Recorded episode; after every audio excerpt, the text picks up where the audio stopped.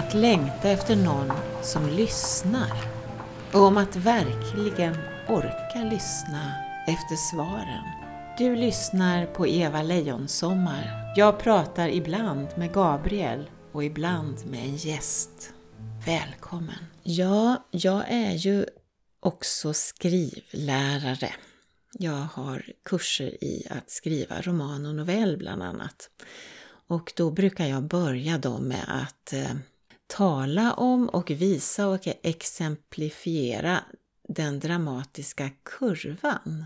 Och eh, det är kanske inte alla som känner till, men så fort jag ritar upp den och visar hur berättelser brukar följa den här linjen, ja men då känner alla igen den.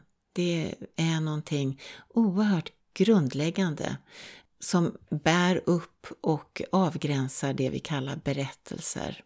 Och den är verkligen, den är helt genial. Den, dels så, så tecknar den liksom en framåtrörelse, den skapar en framåtrörelse, den innehåller eh, information eller bär information eh, som tecknar och eh, eh visar en förändring. Den liknar en våg i sin, när man ritar upp den.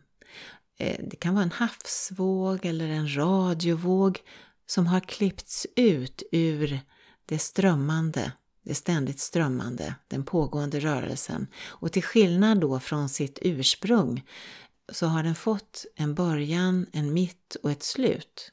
Och därmed gjorts ja, behändig, hanterbar och även separerad från sitt ursprung.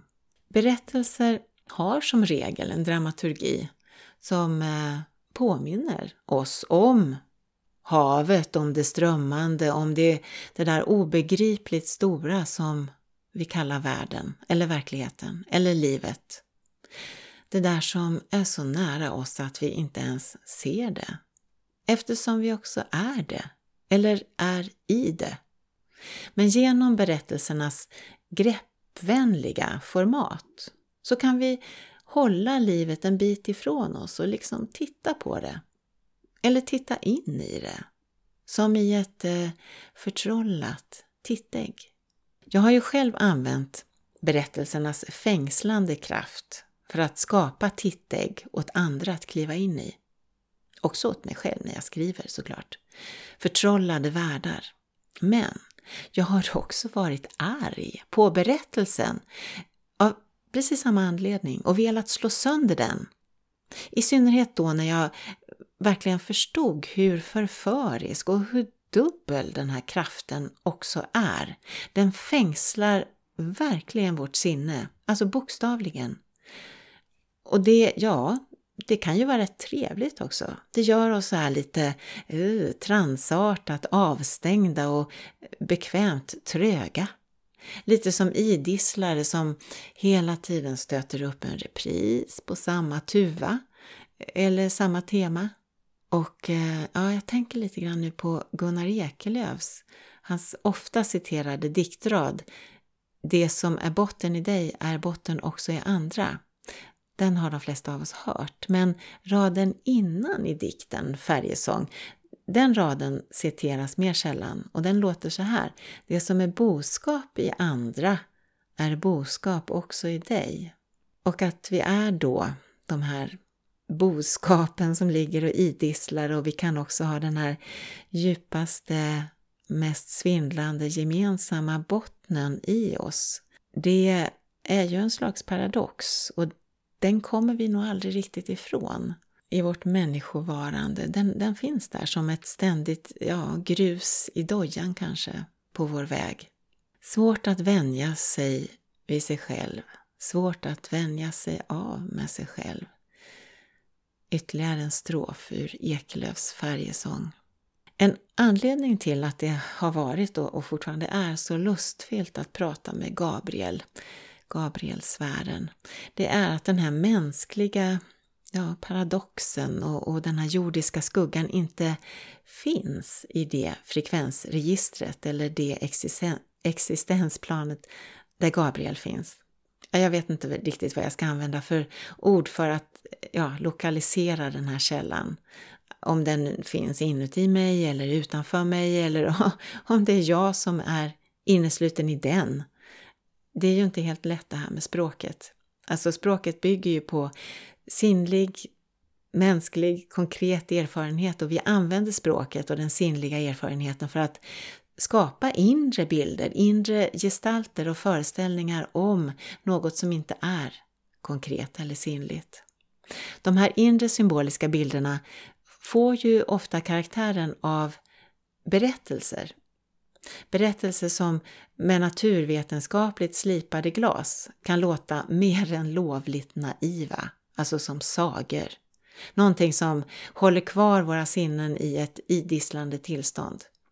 Kanske en, en biologisk stödfunktion i hjärnan som gör att vårt självmedvetande, vårt jag, inte bara fullkomligt skenar när vi gläntar på dörren till att vi existentiellt sett är ensamma i vår rymdkapsel och att vi färdas mot vårt säkra utslocknande. Mot den bakgrunden är det förstås Ja, det är inte så svårt att förstå varför jag vänder mig till Gabriel. Gabrielsfären har ett rätt trevligt perspektiv på tillvaron. De är faktiskt superoptimister. Och det är jag inte personligen. Så ja, jag kanske helt enkelt behöver några som håller ställningarna på den här resan i rymden. Den inre, yttre eller den alldeles magiska, märkliga, verkliga verkligheten. Jag ska inte babbla så mycket mer nu utan jag läser en förklaring jag fick när jag frågade Gabriel om planen. Planen i dubbel bemärkelse, kanske.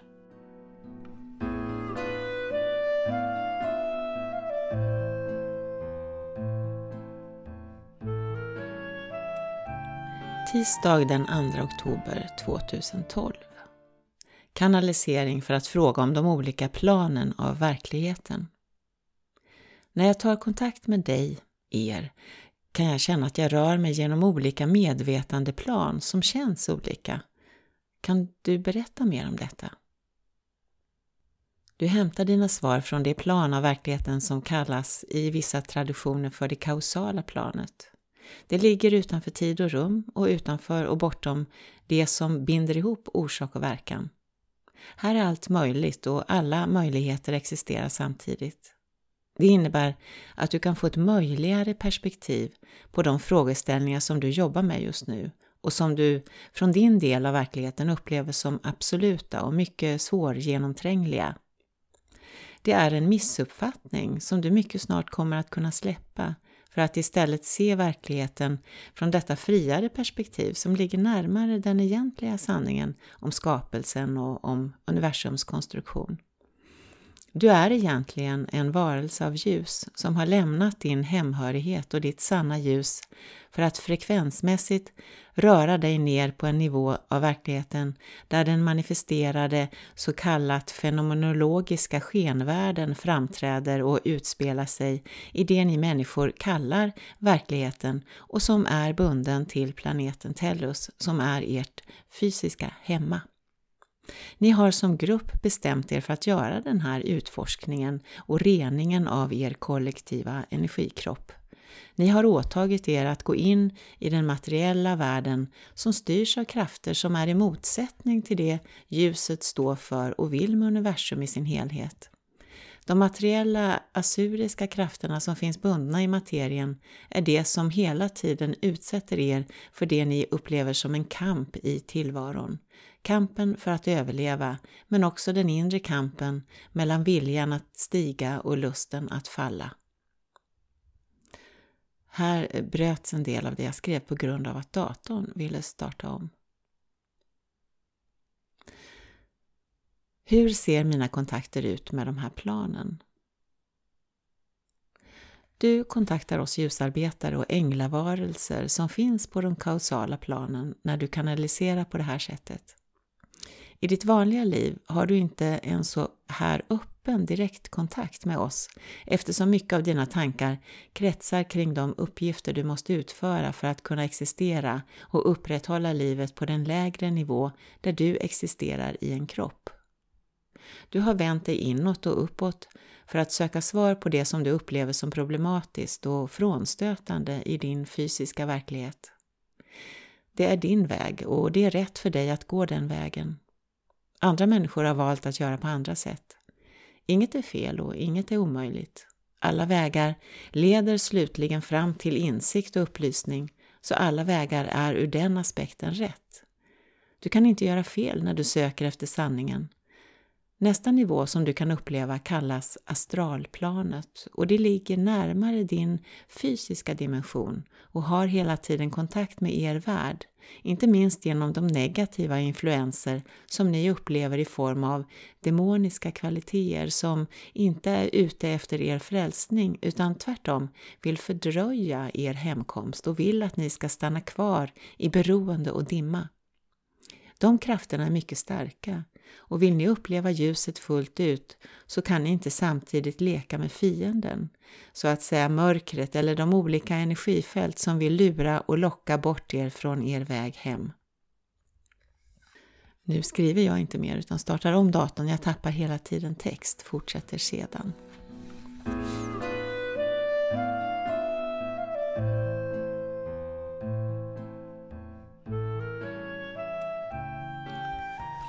Onsdag den 3 oktober 2012. Kanalisering för att fråga om olika verklighetsplan och om det jag kallar Liberty Bell-planet. Igår började jag fråga om verklighetsplanen men blev avbruten. Kan du fortsätta att utveckla din beskrivning av hur verkligheten är ordnad ur ett större perspektiv och hur ser du på Liberty Bell från ditt eller ert perspektiv?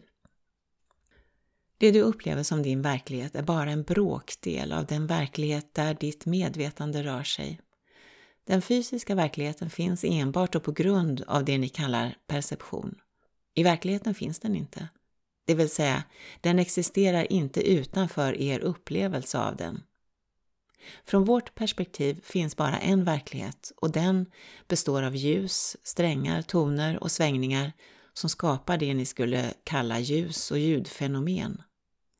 Er värld av materia ser ut som ett hologram, en projektion från vårt perspektiv.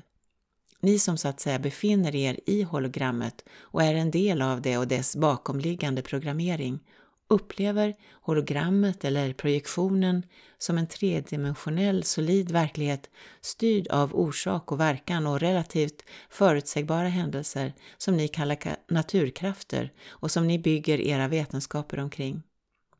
Det ni kallar vetenskap, naturvetenskap, är från vårt perspektiv inte märkvärdigare än vilket annat trosystem eller högkultur som helst som har funnits tidigare i er historia. Era kulturer och era trosystem är vad som ger upphov till att er värld ändrar skepnad. Men från vårt perspektiv är den temporär och tidsbunden och den är i allt en skapelse av den högsta intelligensen som ni kallar Gud. Om Gud kan man egentligen inte tala. Däremot är allt som finns, också vi änglar, en projektion av Guds kärlek. Det är den yttersta kraften i universum och det är ett så jublande uppvaknande som ni människor står inför eftersom ni i er utveckling har lyckats skapa upplevelser som går rakt emot er djupaste sanning. Detta att ni är älskade och aldrig kan röra er bort från Guds kärlek till er och oändliga omsorg om er. Gud kan bara älska. Gud är universums hjärta. Guds hjärta kan bara fortsätta att slå, att pulsera ut kärlek till den minsta lilla atom. Liberty Bell då? Du frågar efter en väg ut ur illusionen och fångenskapen i den allt mer materiella värld som du var en del av. När du arbetade på tidningen och kände hur företagskulturen slöt sitt materialistiska hjärta och försökte begränsa och kontrollera din fria ande blev det för mycket för dig. Och du kom till det som blev ditt ultimata vägskäl, leva eller dö. Du ropade så högt den gången att ditt rop gick rakt igenom den väv av okunskap och dimma som annars hindrar er människor att se den större bilden som egentligen är och alltid har varit er att se och uppleva, det vill säga sanningen om er plats i skapelsen. Det ni nu mest upplever som en omöjlig dröm och en hopplös utopi eller en saga för barn som ännu inte har vuxit upp och börjat skolan. Vi kom till dig för att du ropade på oss. Konstigare än så är det inte. Vi kom till dig med idéer, med konkreta åtgärder, det vill säga med pengar, bistånd och med människor, utbildning, sammanträffanden och kurser som ställdes till ditt förfogande. Du har aldrig saknat någonting under den tid du har litat på kraften som du fått från Gud. I världens ögon har du betett dig som en riktig dåre, men du har gjort det som människor i alla tider har gjort. Du har ropat på hjälp och du har tagit emot den hjälp du har fått. Du har efter bästa förmåga försökt att föra den hjälpen tillbaka till ditt samhälle och att förklara för människor runt omkring dig att en annan väg är möjlig att gå. En väg som leder hem, inte bort. Anledningen till att du ännu inte har lyckats är att du ännu inte är klar nog med din egen transformation för att kunna tala om, tala om det du har upplevt och varit med om. Du skulle i nuläget bara förvirra med ditt tal och dina försök att tala klarspråk. Du måste fortsätta att studera och att arbeta mot ditt mål att bli fri. Så kommer du att segra, det är säkert. Du kommer att segra över mörkret och du kommer att få se klart, det är säkert. Du har all den hjälp du behöver. Du är så älskad och du är så emottagen och så efterlängtad i verkligheten. Till skillnad från den upplevelse du har skapat åt dig själv i det ni kallar den riktiga världen. Men det är från vår sida och vårt perspektiv bara en tillfällig dimridå som kan liknas vid en lögn som skyler sanningen och skiljer människan från Guds kärlek och sin egen frälsning. Amen. Tack. Du har lyssnat till ett avsnitt av Mentalbokspodden producerat av Eva Lejonsommar och Författarförlag. Vi ger ut det som inte låter sig diagnostiseras. Följ oss gärna och på egen risk. Författarförlag.se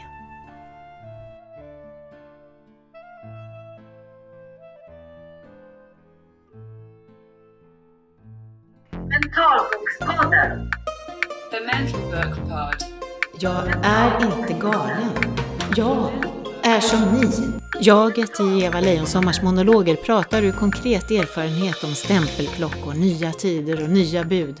Om hur fria vi är att välja och, och vad som kan hända om man ändå tar sig friheten att säga vad man tycker. Tillstånd sökes är ett monologiskt samtal om tystnad, rädsla, mod och gränser, men också om den stora glädjen i att få uttrycka sig fritt.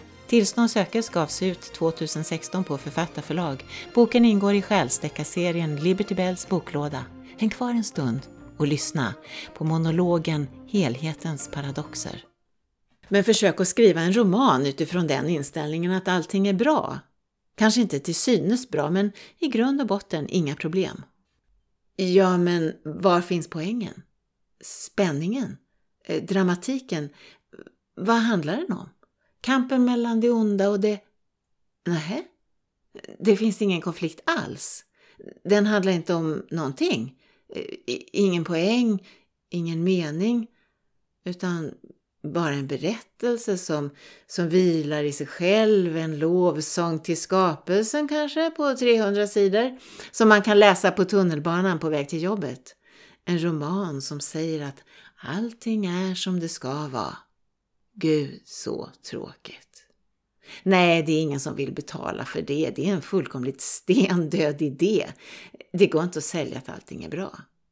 Ja, men våra berättelseindränkta hjärnor kan inte ta till sig en sån tanke. Även om den är sann så ger den oss inte den tillfredsställelse vi söker. Det är ett rent kemiskt behov vi har av konflikter. Det är som sockerberoende. Ja, men vi vet precis vad det är för spänningsladdade som funkar för just oss, vilken typ av berättelse vi söker, om konflikterna ska vara tydliga och uttalade eller om de ska vara underliggande som en mullrande, minerad, symbolmättad undertext. Och, och vi vet också hur många cliffhangers vi behöver för att bli tillräckligt laddade, hur hårt skruvad poängen måste vara för att vi ska kunna njuta av upplösningen avslappningen, friheten från begäret. Åh, det är så kort. Ett enda ögonblick är man mätt, är man nöjd, är man tillfredsställd. Sen vaknar vår knarkarkropp igen och ska ha påfyllning, stimulans, underhållning, sensationer, lystnad, hunger driver oss och det vi jagar är friheten. De korta ögonblick av frihet som är för korta. Alldeles för korta för att vara sanna. Det måste finnas något mer. Så är man där igen. Där vi alla hamnar förr eller senare vid gränsen, den existentiella och frågar Finns Gud? Vad är det i så fall för jävla skitvärld han har skapat? Vad är det för fängelse han har satt mig i? Vad är det för mening? Hur kommer jag ut härifrån? Måste jag dö först? If that's all there is, my friend, then let's keep dancing. Let's bring out the booze and have a ball. Om det här är allt som finns, om det här är de villkor som ges i denna värld, då kan jag lika gärna leva eller dö. Om det inte spelar någon roll egentligen vilket jag väljer, men vad är då skillnaden? Var går gränsen? Den existentiella, den så livsviktiga, den så omtjatade, alla gränsers urmoder, alla konflikters grundämne, själva särskiljandets förutsättning, gränsen, den som inte finns utritad på någon karta, den som inte går att avläsa i naturen. Ja, men vad i helvete finns den gränsen? Kanske är det just i helvetet den finns. Helvetet, det är de andra. L'enfer, c'est l'autre. De andra jävlarna. Ja, just det. Det är de som upprätthåller gränsen. Det är, de, det är de som inte förstår att vi alla hör ihop, att vi alla behöver varandra, att det inte finns någon skillnad mellan oss människor som gör att det är okej okay att förtrycka varandra. Vi är lika mycket värda. Mm, vi delar samma öde i det att vi föds och vi dör, samma existentiella grundvillkor. De andra har bara inte fattat det än. Och det gör det nästan olidligt svårt för oss eh, som har fattat det, hur det hänger ihop, som har genomskådat illusionen.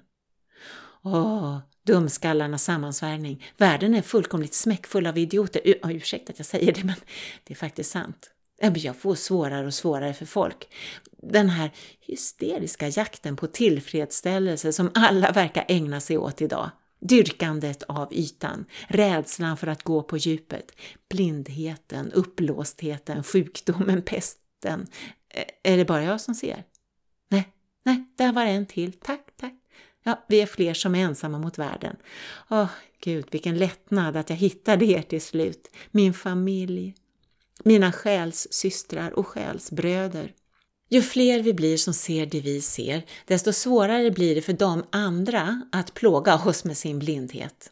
Vi kanske kan organisera oss, bilda en förening eller ett parti, lyfta upp de frågor som intresserar oss, göra vårt perspektiv gällande så att vi får något att kämpa för igen, något att enas kring, ett gemensamt mål och en gemensam fiende i de som inte förstår att det inte finns några fiender att nedkämpa, att fienden bara finns här inne i huvudet, som en idé, en föreställning, en illusion.